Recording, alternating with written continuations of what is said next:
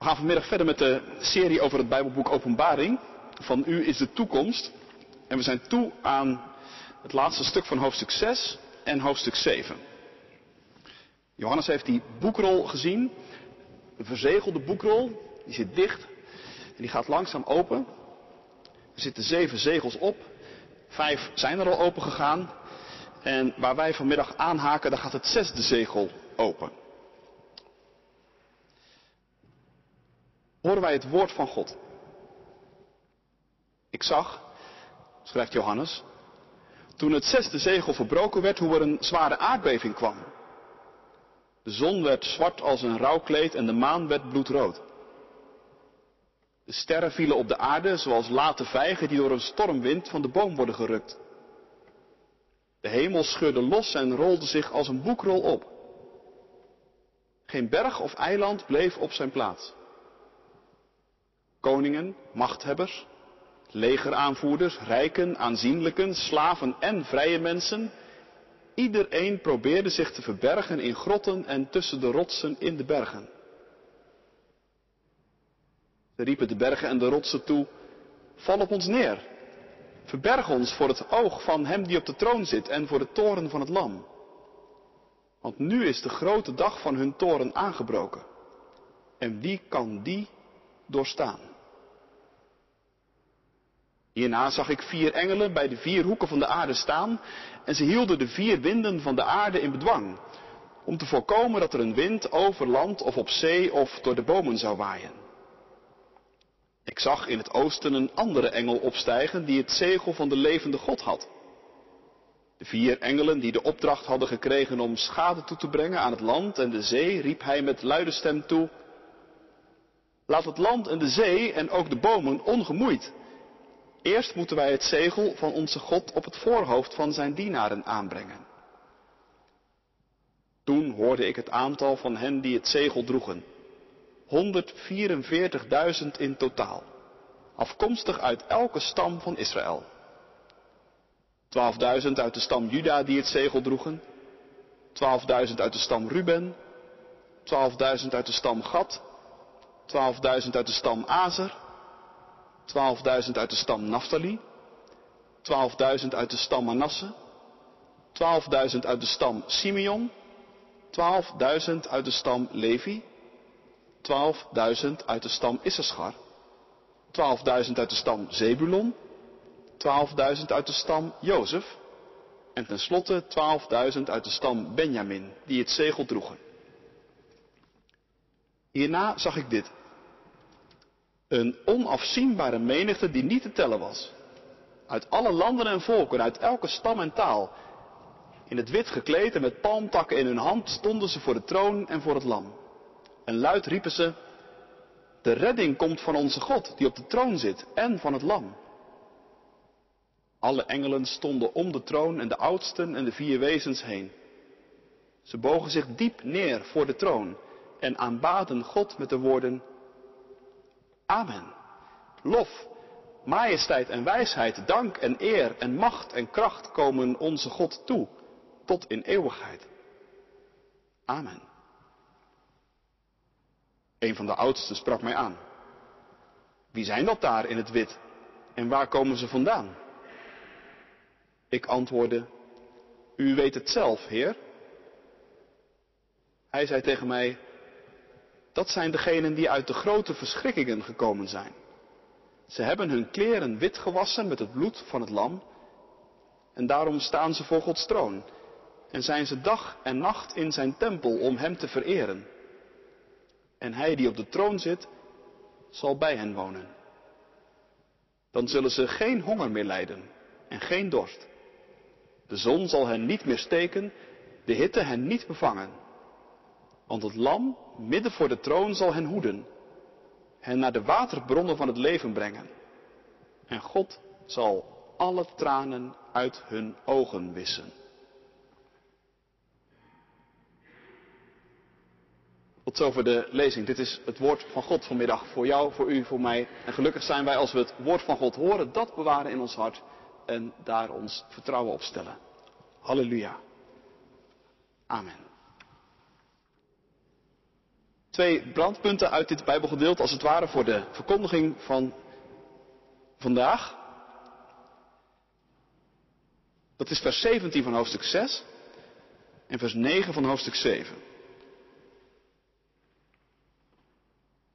De vraag die aan het eind van hoofdstuk 6 klinkt, de grote dag van hun toorn is aangebroken. En wie kan dan stand houden? En dan hoofdstuk 7, vers 9. Hierna zag ik dit. Een onafzienbare menigte die niet te tellen was. Uit alle landen en volken. Uit elke stam en taal. In het wit gekleed en met palmtakken in hun hand stonden ze voor de troon en voor het lam. Gemeente van Christus, broeders en zusters hier in de kerk of thuis. Overeind blijven. Daar gaat het over vanmiddag. Over de vraag hoe je stand houdt. Niet omvalt of afknapt. Als het stormt in je leven. Als het stormt in de wereld. Hoe blijf je staan? Op je twee benen. Als er aan alle kanten aan je wordt getrokken. Als allerlei dingen die vastheid en zekerheid aan je leven gaven op omvallen staan. Hoe blijf je dan overeind?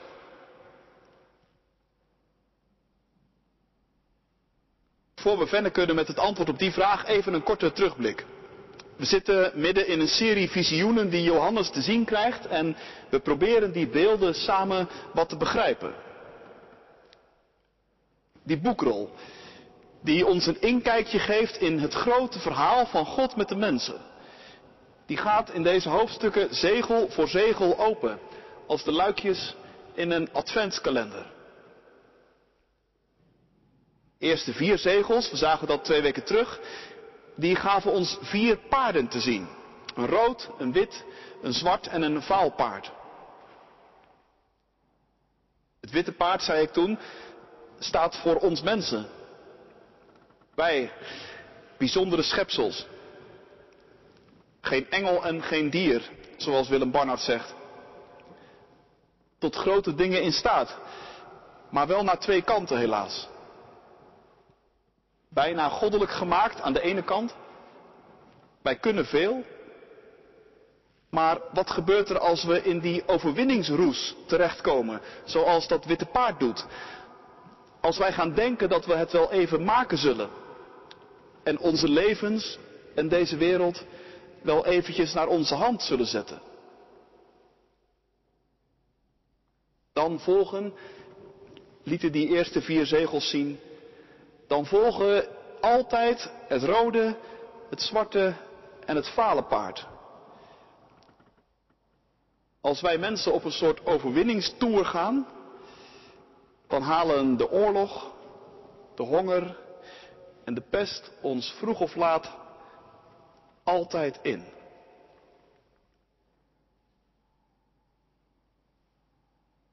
En aan het begin van hoofdstuk 6 klinkt dan ook de vraag, hoe lang nog? Komt er ooit een einde aan dat tragische patroon? Komt er in deze wereld nou ooit een eind aan het kwaad of blijven wij vastzitten in een soort eeuwige kringloop van de dingen? Vorige keer concludeerden we ook dat dat eigenlijk best een vreemde vraag is. Hoe lang nog?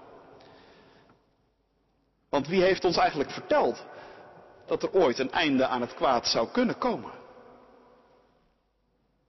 Waar zou je dat vandaan halen? Niet uit het nieuws. Tenminste, ik krijg daaruit niet die indruk. En in de sterren staat dat ook niet geschreven. Nee, wij weten dat enkel en alleen omdat het ons beloofd is. Omdat we Jezus hebben leren kennen. Het lam van God dat de dood verslagen heeft dat met Pasen aan de macht van de dood een grens heeft gesteld. Daarom en daarom alleen geloven we in een einde aan het kwaad. En alleen daarom heeft het zin om die vraag te stellen. Hoe lang nog?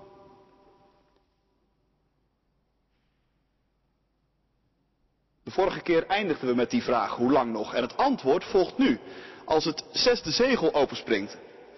Of nou ja, in ieder geval het begin van het antwoord. Johannes ziet opnieuw een heel aantal opmerkelijke dingen. Om niet te zeggen angstaanjagende dingen. Het begint met een aardbeving. Daarna verschieten de zon en de maan van kleur. De zon wordt zwart en de maan rood. En de sterren, ze tuimelen naar beneden als kastanjes in de herfststorm. En dan de hemel. Johannes bedoelt met de hemel die prachtige blauwe koepel die wij zien als je geen wolken ziet. Die wordt, ziet hij, opgerold, alsof het een vloerkleedje is.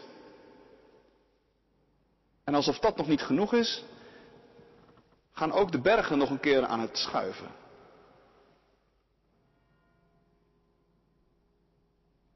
Net als met alle beelden die Johannes te zien krijgt, is ook nu weer de vraag, hoe moet je dit begrijpen? Nou, ik denk op dezelfde manier zoals we die eerdere beelden, die verschillende paarden bijvoorbeeld, hebben geprobeerd te begrijpen. Net als met die paarden staan ook deze beelden ergens voor. Het zijn kosmische beelden. En ze raken direct aan hoe wij het leven beleven.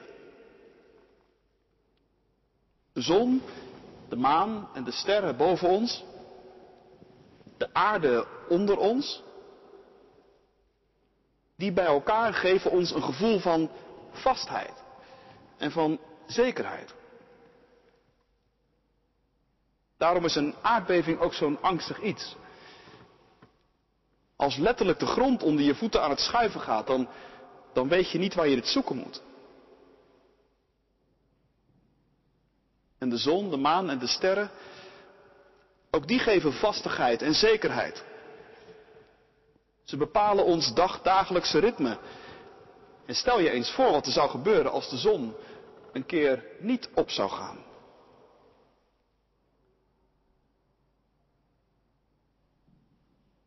Niet zo vreemd dus dat de mensen die Johannes ziet in paniek reageren op wat hier gebeurt. Ze weten even letterlijk niet waar ze het zoeken moeten. En geef ze is ongelijk. Wat ook opvalt is dat wat er gebeurt iedereen raakt. Rijk en arm, sterk en zwak, mensen met veel invloed en weinig invloed, dat maakt allemaal even niet uit. Iedereen slaat op de vlucht en iedereen wordt op dezelfde manier geraakt. Wat ook opvalt, is wat er gezegd wordt. De mensen gaan praten tegen de bergen. Tegen diezelfde bergen die ze zien wankelen en van hun plek verschuiven. Die, die blijven op de een of andere manier toch nog aantrekkelijk als een soort van toevluchtsoord. Val op ons, zeggen de mensen, en verberg ons. Waarom? Ja, dat blijkt op de een of andere manier ook bekend te zijn. Verberg ons voor Hem die zetelt op de troon en voor de toren van het Lam. Want de grote dag van hun toren is aangebroken en die kan dan staande blijven.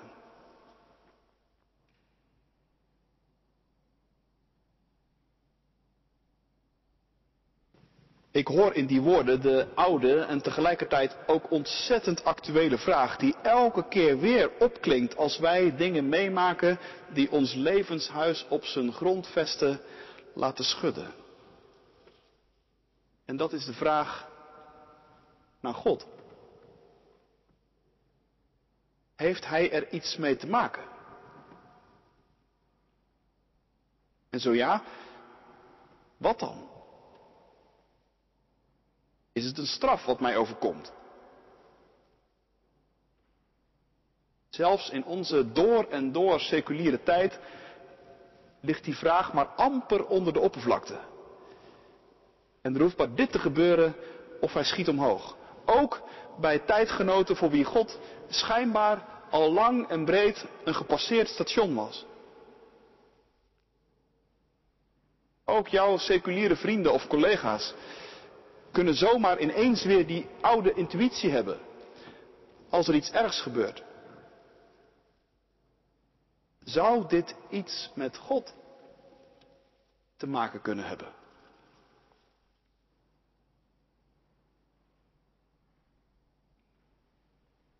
Volgens Openbaring 7 is het antwoord op die vraag ja. Maar, zeg ik erbij, het komt er vanmiddag voor ons heel precies op aan hoe we luisteren en hoe we kijken. Want wat is God dan precies aan het doen? En waarom doet Hij wat Hij doet? Wat Johannes hier ziet is een God die aan onze zekerheden schudt. Daar gaat het om in dit visioen. Zon, maan, sterren, de aarde, dat staat voor alles waar wij onze vastigheid en ons vertrouwen in zoeken. Dat alles bij elkaar staat voor alles waarvan jij denkt, dit maakt mij onaantastbaar. Dit is mijn panzer. Hierachter ben ik beschermd. Veilig. Niemand maakt me wat.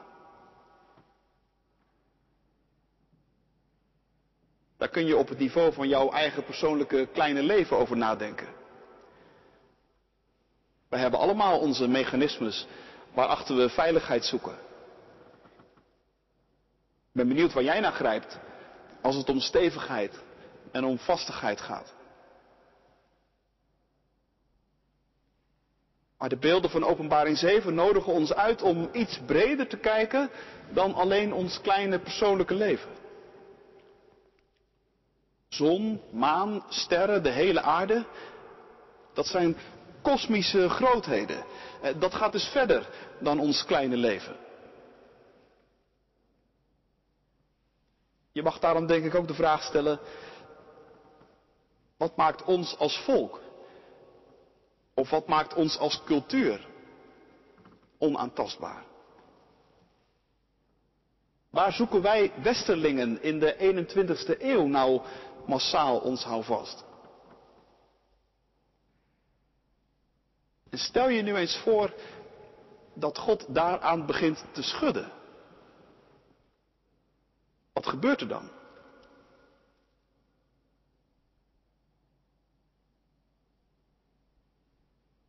Ik dacht, misschien gebeurt er dan wel een coronacrisis. Of een klimaatcrisis. Misschien gebeuren er dan wel dingen die onthullend zijn.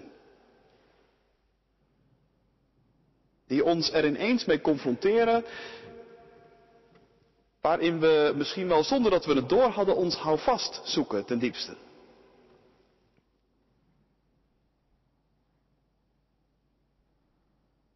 Dan wordt er geschud aan de bastions. Waarin wij ons met elkaar onaantastbaar waanden. De grote en indrukwekkende systemen die we opgetuigd hebben en die voor onze welvaart hebben gezorgd en voor onze veiligheid en voor onze gezondheid.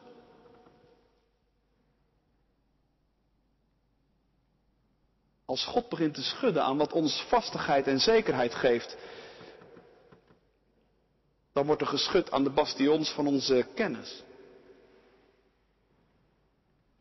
Dan wordt er geschud aan de veiligheid die we zochten in het beheersbaar maken van zo ongeveer alles. En dan schudt de grond dus onder onze voeten. En dan vallen al die prachtige sterren die we zo mooi aan het firmament geplakt dachten te hebben, één voor één naar beneden. En dan breekt de paniek uit.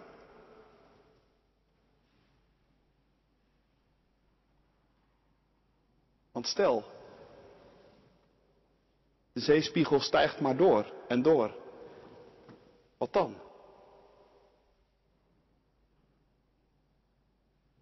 Dat is volgens mij een hele grote, diepe angst. Die veel mensen in onze cultuur vast heeft gegrepen.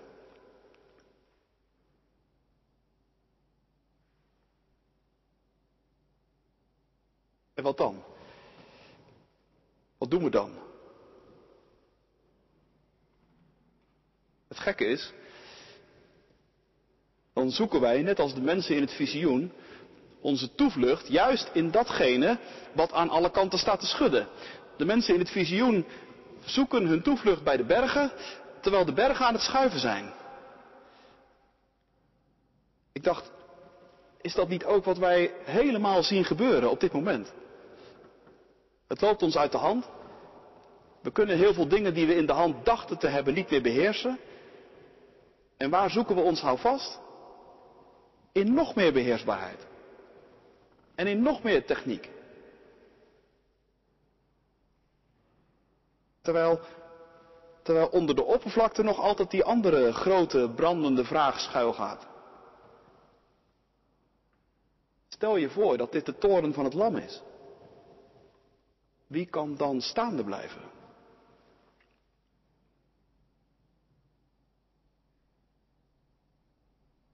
Openbaring 7 laat zien dat je daar dus wel mee moet rekenen in deze wereld. Met een God die door de geschiedenis heen van tijd tot tijd aan onze zekerheden schudt. Soms zo stevig dat het lijkt alsof de wereld vergaat. En waarom doet hij dat dan? Nou, niet omdat hij daar een soort van sadistisch behagen in zou scheppen of zo. Maar wel omdat hij ziet gebeuren dat zijn schepselen alsmaar doordenderen in die overwinningsroes, zoals die ruiter op dat witte paard. Wel omdat hij ziet dat zijn schepselen op hun overwinningspad telkens weer die andere paarden wakker roepen. Oorlog, honger, ziekte, dood.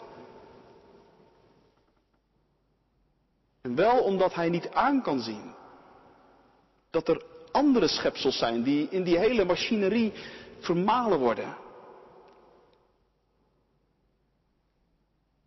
De mensen die geen rechten hebben, geen stem, geen eten.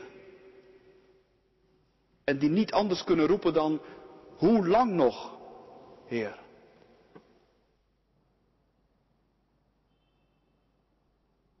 Omwille van die bange vraag laat het lam van God het mensenleven van tijd tot tijd op zijn grondvesten schudden.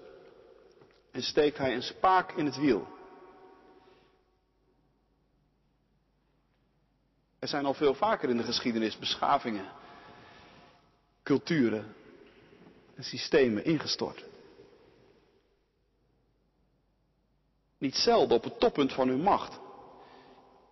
In een roes van overwinning en onaantastbaarheid.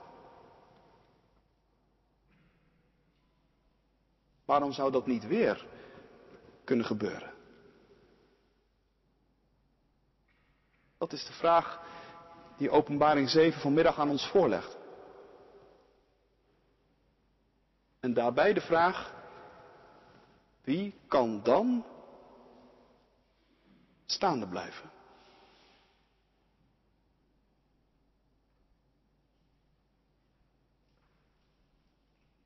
Ook op die vraag geeft dit gedeelte een antwoord.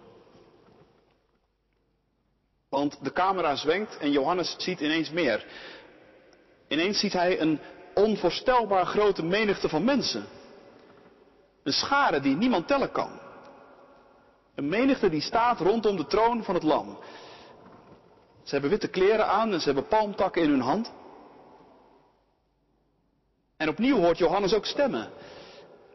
Stemmen die zeggen, de redding is van God en van het lam. Kijk, dat is het antwoord op de vraag, wie kan dan staande blijven? Staande blijf je als je verbonden bent met Jezus. Overeind blijf je als je bij Christus hoort. Dat is het geheim van die scharen die niemand tellen kan. Dat zijn mensen die ontdekt hebben dat er in die end niets in onze wereld is dat uiteindelijk vastigheid en zekerheid biedt. Als je het buiten Jezus zoekt. Die schade die niemand tellen kan, dat zijn mensen die hebben ontdekt dat uiteindelijk ieder systeem en ieder bouwwerk en alles wat wij mensen optuigen om onszelf achter te beschermen en veilig achter te wanen, dat dat vroeg of laat uit elkaar valt. Die schade die niemand tellen kan, die bestaat uit mensen die hebben ontdekt dat er tijden zijn waarin je nergens meer echt op kunt rekenen. Behalve op Hem. Op die ene. Op het lam van God dat ons lief heeft. Ook als Hij aan onze zekerheden schudt.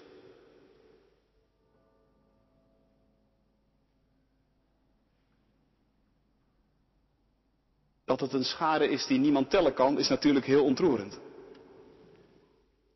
Juist voor ons, die in een cultuur leven waarvan je soms denkt, wie kent Jezus hier nou nog? Ik ben nu al de enige in mijn flat of in mijn vriendengroep of op mijn werk. En gaan we nou echt een tijd tegemoet waarin bijna niemand zich christen meer noemt? Dat zou natuurlijk kunnen. Maar dit visioen laat vooral ook iets anders zien. Een menigte zo groot dat je de tel kwijtraakt. We hoeven ons er dus werkelijk geen zorgen over te maken. Dat het lam van God, de koning van deze wereld, uiteindelijk zonder dienaars zal zitten. Hoe komen we daar eigenlijk bij? Wil dit visioen ons zeggen. Wat, wat is dat eigenlijk voor kleingeloof? Er zal een menigte zijn die niemand tellen kan. Dat wordt hier beloofd. Israël zal daarbij zijn. 12 keer 12 keer 1000. Dat betekent Israël in al zijn volheid. Hoe verstrooid ook over de aarde. Hoe verdwenen ook in de mist van de geschiedenis. Hoezeer er ook geprobeerd is keer op keer om Israël te vernietigen. Johannes ziet hier dat het hele volk van God erbij is. Natuurlijk. Het is immers het volk van God. Het volk dat hij lief heeft. Dat kan toch niet achterblijven?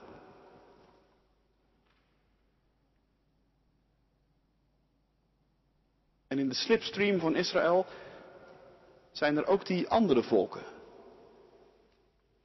God zij dank. De menigte die Johannes ziet, de schare die niemand tellen kan, is samengesteld uit alle volken, alle stammen, alle gemeenschappen en talen, staat er. Uit Kazachstan en Kenia. Uit Groot-Brittannië en Gambia.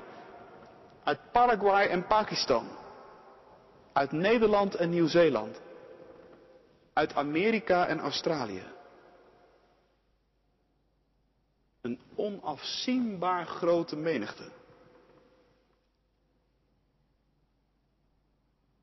Had dat je troosten vanmiddag?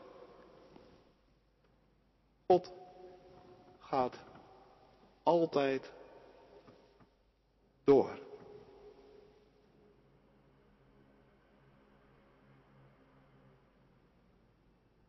Tot slot nog één ding over die menigte. Ik zei al, ze hebben witte kleding aan en palmtakken in hun hand.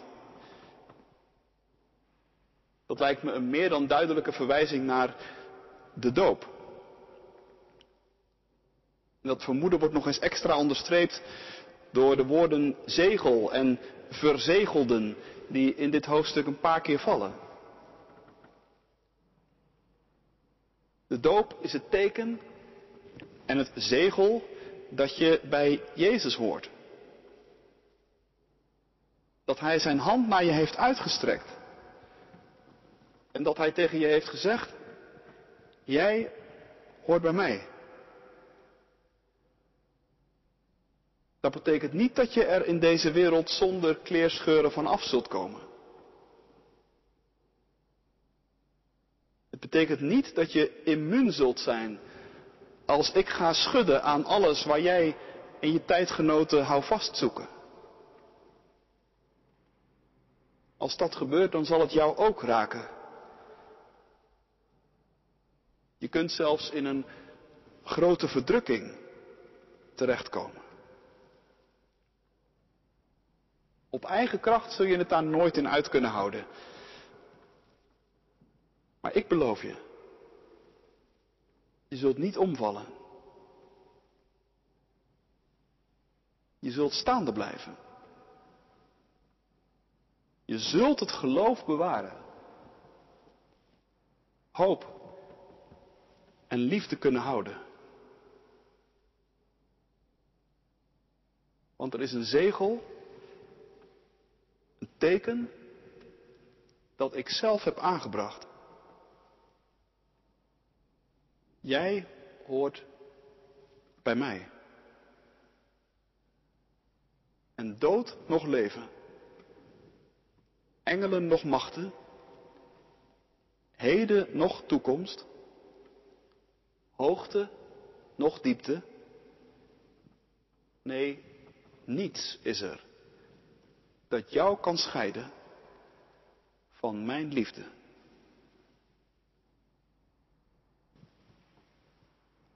Amen.